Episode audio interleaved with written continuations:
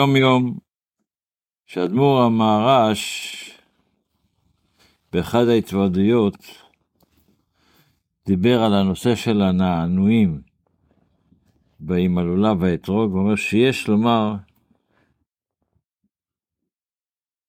שאת הדבר הזה שבנענועים, לוקחים את זה עד הלב, זאת אומרת מהלב, לימין, לשמאל, לכל, ארבע, לכל ששת הכיוונים, אבל מתחילים מהלב. אז אומר, מדמור המרש, הרש"ב אומר, באחד ההתמודדויות, שזה, יש לומר שזה כמו עניין שעל ידי כובד ראש קודם התפילה. שצריך להיות, שהחסידים הראשונים יוש, יושבים שעה אחת ומתפללים. אל תתפלל אלא מתוך כובד ראש, מתוך הבנה. שמה זה כובד ראש? שמתמרמר בנפשו, עד על ידי שזה דווקא יכול להיות אחר כך התפעלות המידות בתפילה. אז זה מה שכדי ל... שה... מה שנותן לנו חג, תפילות של חג הסוכות. צריך לעורר את הלב קצת בנושא הזה. וזה הנענועים שאנחנו לוקחים מהלב, ימין, לשמאל, או, מזרח, או דרום, צפון, מזרח, מעלה, מטה ואחורה. אז זה, זה, זה התפקיד של למה שצריך לקחת את זה מהלב, וזה כמו בתחנון, שכשאומרים אה, את התחנון מכים על החזה כדי שיהיה לנו את הדבר הזה. זה מה שכתב הרבי ביום יום, עם הרבה הסברים נוספים שמופיעים אחרי זה בנושא. הרבי, ביום, באלה שלומדים את ספר המצוות, אז לומדים היום, ממשיכים בעניין הזה של המצוות של קורבנות.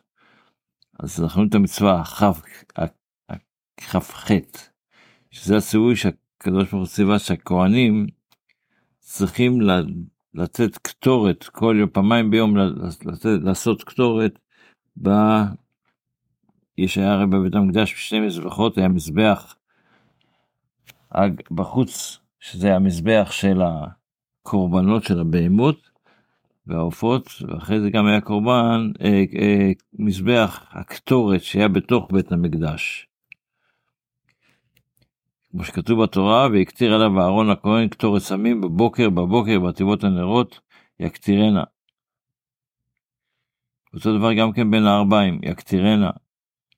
והרמב"ם כותב שהמצוות, פרטי המצוות, איך של דיני הקטורת ועשייתם ותיאור הכתרה, כל זה מופיע במסכת, במסכת כריתות, במקומות נוספים, במסכת תמיד ועוד כמה מקומות.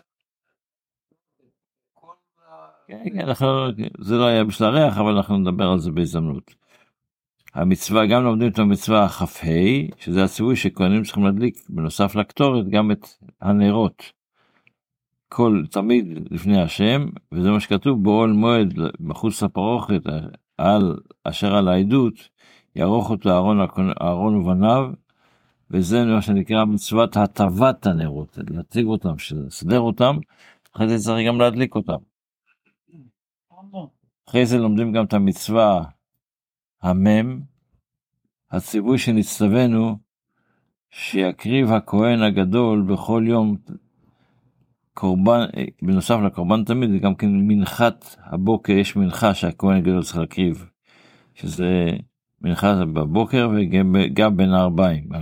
הוא מחלק את הקורבן הזה לשני חלקים. והיא נקראת חביתי כהן גדול. וגם נקרא את מנחת כהן המשיח. וזה, הקורבן הזה זה קורבן של אהרון ובניו שיקריבו להשם.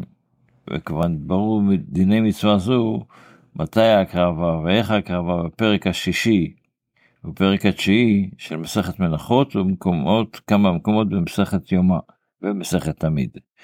גם לומדים את המצווה המ"א, שזה הציווי שאנחנו צריכים להביא בנוסף לקורבן תמיד, עם כל הפרטים שלמדנו קודם, גם עוד קורבן בשבתות, שנקרא מוסף של שבת, שכתוב ביום השבת שני כבשים.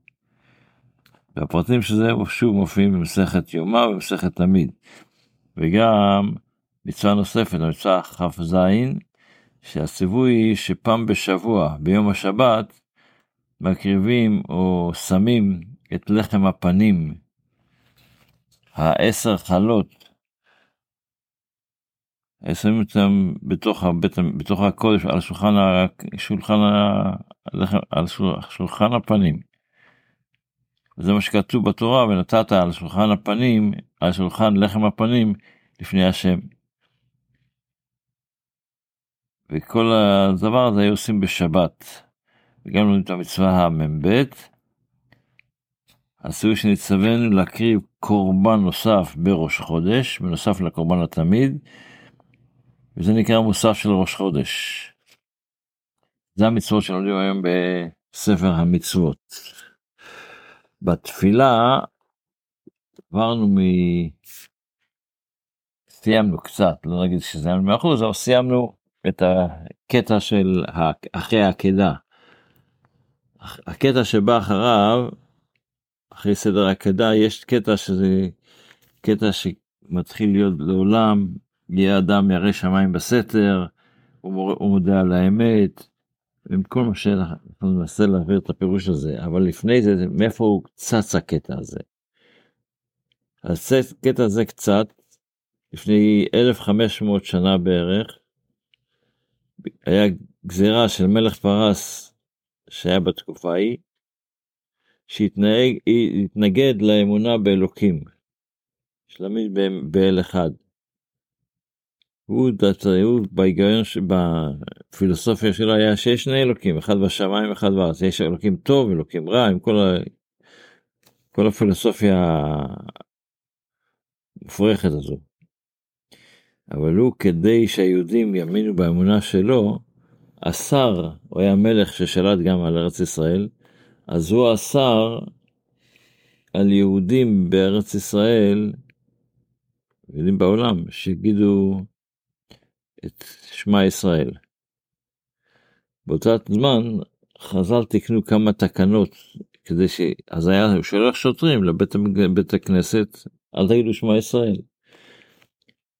אז, אז תקנו כמה תקנות איך לעקוף את החוק הזה שלו. אחד, אז אחד הדברים היה כדי, הוא אמר, באמצע התפילה, שמע ישראל בדרך כלל זה באמצע התפילה.